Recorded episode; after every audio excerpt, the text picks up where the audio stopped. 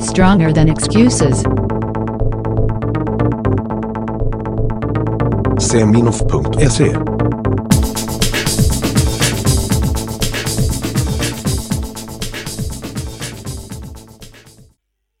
Vill du bygga maximal muskelvolym samtidigt som du blir tokstark?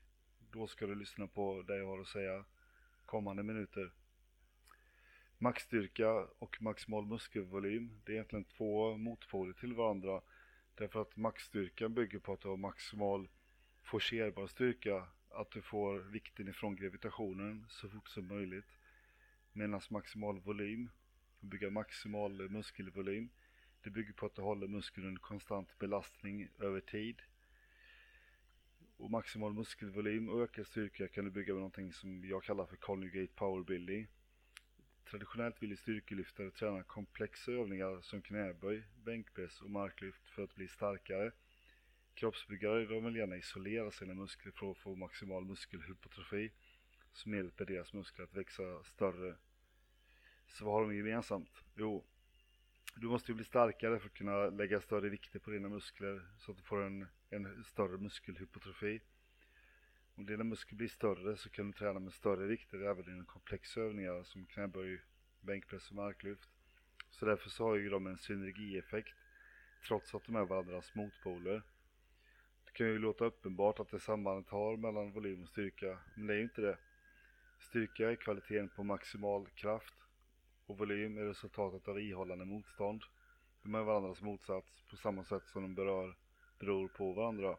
Större muskler runt lederna hjälper dig att hantera större motstånd. Med Conjugate Powerbuilding så ändrar du hela tiden stimulit för hur muskeln ska agera, vilket tvingar dina muskelceller och nervsystemet till att anpassa sig för att möta de nya utmaningar som ständigt ges. Jag tycker om att lägga in lite högreps på, på någon övning under passet bara för att frigöra lite mer mjölksyra eftersom vissa studier pekar på att mjölksyran får in kroppen att frigöra mer tillväxthormon. Och det kan vara anledningen till att idrottare som gör så ser ut att kunna påskynda sin återhämtning genom den här typen av träning. Jag brukar lägga in en tre veckors programmering i taget. En tre veckors period är ju ett block. Under denna tid försöker jag analysera vad det finns för svagheter hos idrottaren som ska angripas under nästkommande träningsblock. Det är lätt att man bara tränar på och, och veckorna blir slentrianmässiga. Men det är viktigt att, det är viktigt att du hittar och analyserar dina svagheter så att du får kvalitet på, på din träning hela tiden. Varför skulle du hålla på och lägga tid på gymmet om du inte får resultatet av det? Nej, kolla vad det är som fungerar och, och vad som inte fungerar. Och istället för att premiera det som bara fungerar så ska jag försöka eliminera det som inte fungerar och hitta saker, saker du kan göra och sätt att träna för att motverka den biten. Och när du tränar eh, på de assistansövningarna som du kan bygga volym på, då ska du försöka hålla vilan till 30-45 sekunder mellan sätten ungefär. För att då har du, då har du maximal stress och ihållande ansträngning på muskeln, vilket får volymen att öka. Och när du kör tyngre övningar då kan du vila upp till 90 sekunder. Eh, för du behöver en återhämtning för att kunna lyfta maximalt tunga vikter. Men försök hela tiden att pressa ner vilan. Och anledningen till det är att vi, vi vill hålla vilan kort mellan sätten för att kunna öka volymen. Det vill säga kilo per minut utan att öka antal set eller reps. Eller nödvändigtvis kilon på stången. För kan vi hålla, hålla en kortare vila då lyfter automatiskt fler kilo per minut, vilket ger en högre volym och ansträngning.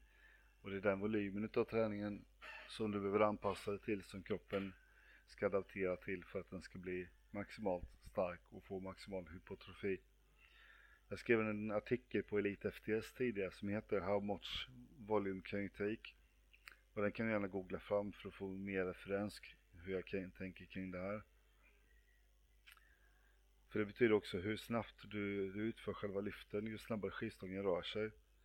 Desto mer kraft måste du frigöra för att, för att få loss den. Och i de huvudövningar där målet är att bli starkare och få en maximal kraft, det bör du sträva efter att lyfta snabbt eftersom du vill tvinga stången ifrån golvet med en maximalt forcerbar kraft. Däremot i övningarna där målet är att få en mer muskelhypotrofi, ja det vill säga muskelvolym, som vi kan eftersträva mer i assistansövningarna. Där kan du dra nytta av både den excentriska och koncentriska rörelser. För kom ihåg att det är det ihållande motståndet som får muskeln att växa. Så håll emot både på vägen ner och lyft i ett ja, ganska långsamt tempo kan du göra på vägen upp. För vi vill hålla muskeln under konstant belastning för att den ska växa och få muskelhypotrofin. Och i de här tunga övningarna, det brukar jag rekommendera att man, att man gör max treor. Alltså att du lyfter tre reps så tungt du kan göra. Istället för att lyfta max ettor. Därför att max ettor sliter oerhört mycket på kroppen och går till en failure i en max etta så kräver det väldigt lång tid för en återhämtning. Och återhämtningen är ju, ja, den är ju A och O, verkligen. Så att om du gör max tre år, då kan du känna att när du är på tvåan att du är osäker på om du kommer fixa trean och då skiter vi den, då, då låter vi den vara till nästa träningspass. Känner du att du kan få trean också, men att du absolut inte har en fjärde, då, då fullgör du den trean och kör den också. Och sen eh, ifall du inte är en renodlad styrkelyftare så kan det vara så att tekniken i, i huvudlyften inte är så perfekt heller. Och eftersom du har mer att lära dig i rörelsen så är det ju logiskt att utföra tre maxreps istället för en maxetta. Och ska du göra maxettor så måste du byta övningar till snarlika övningar varje vecka. Också för du får inte göra det Kör du samma övning och gör max ett och tre veckor i rad så har du bränt nervsystemet och då kräver det en längre tids återhämtning för att du ska kunna köra på igen. En maxetta representerar 100% av din maximala styrka och tre, tre, tre reps max det motsvarar ungefär 94% av en maxetta. Så om din teknik inte är perfekt kanske du bara får ut 87-92% av din fulla styrka. Och det är mycket lättare för nervsystemet att återhämta sig från. Så, så, så, du kan gå in och köra tungt för samma muskelgrupp inom 72 timmar igen. För 72 timmar är vad, vad musklerna och nervsystemet behöver ha för att få samma belastning igen. Mindre muskelgrupper däremot, de återhämtar sig snabbare. Som om du tränar armar, de kan du köra nästan efter 12 timmar igen. Men de här tyngre komplexen kräver längre vila. Så det är viktigt att du ger den vilan. Jag kommer, eh, jag kommer snart att släppa en ny artikel på Elite FTS som heter Collegate Powerbuilding. Och där får du tre veckors program som du kan följa helt, helt gratis. Så eh, tycker du att det här verkar intressant så håll ögonen öppna för Elite FTS. Som faktiskt är världens största sajt för kraftsport.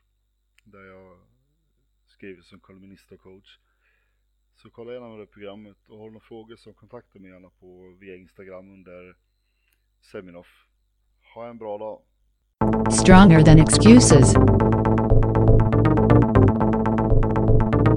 cminuf.se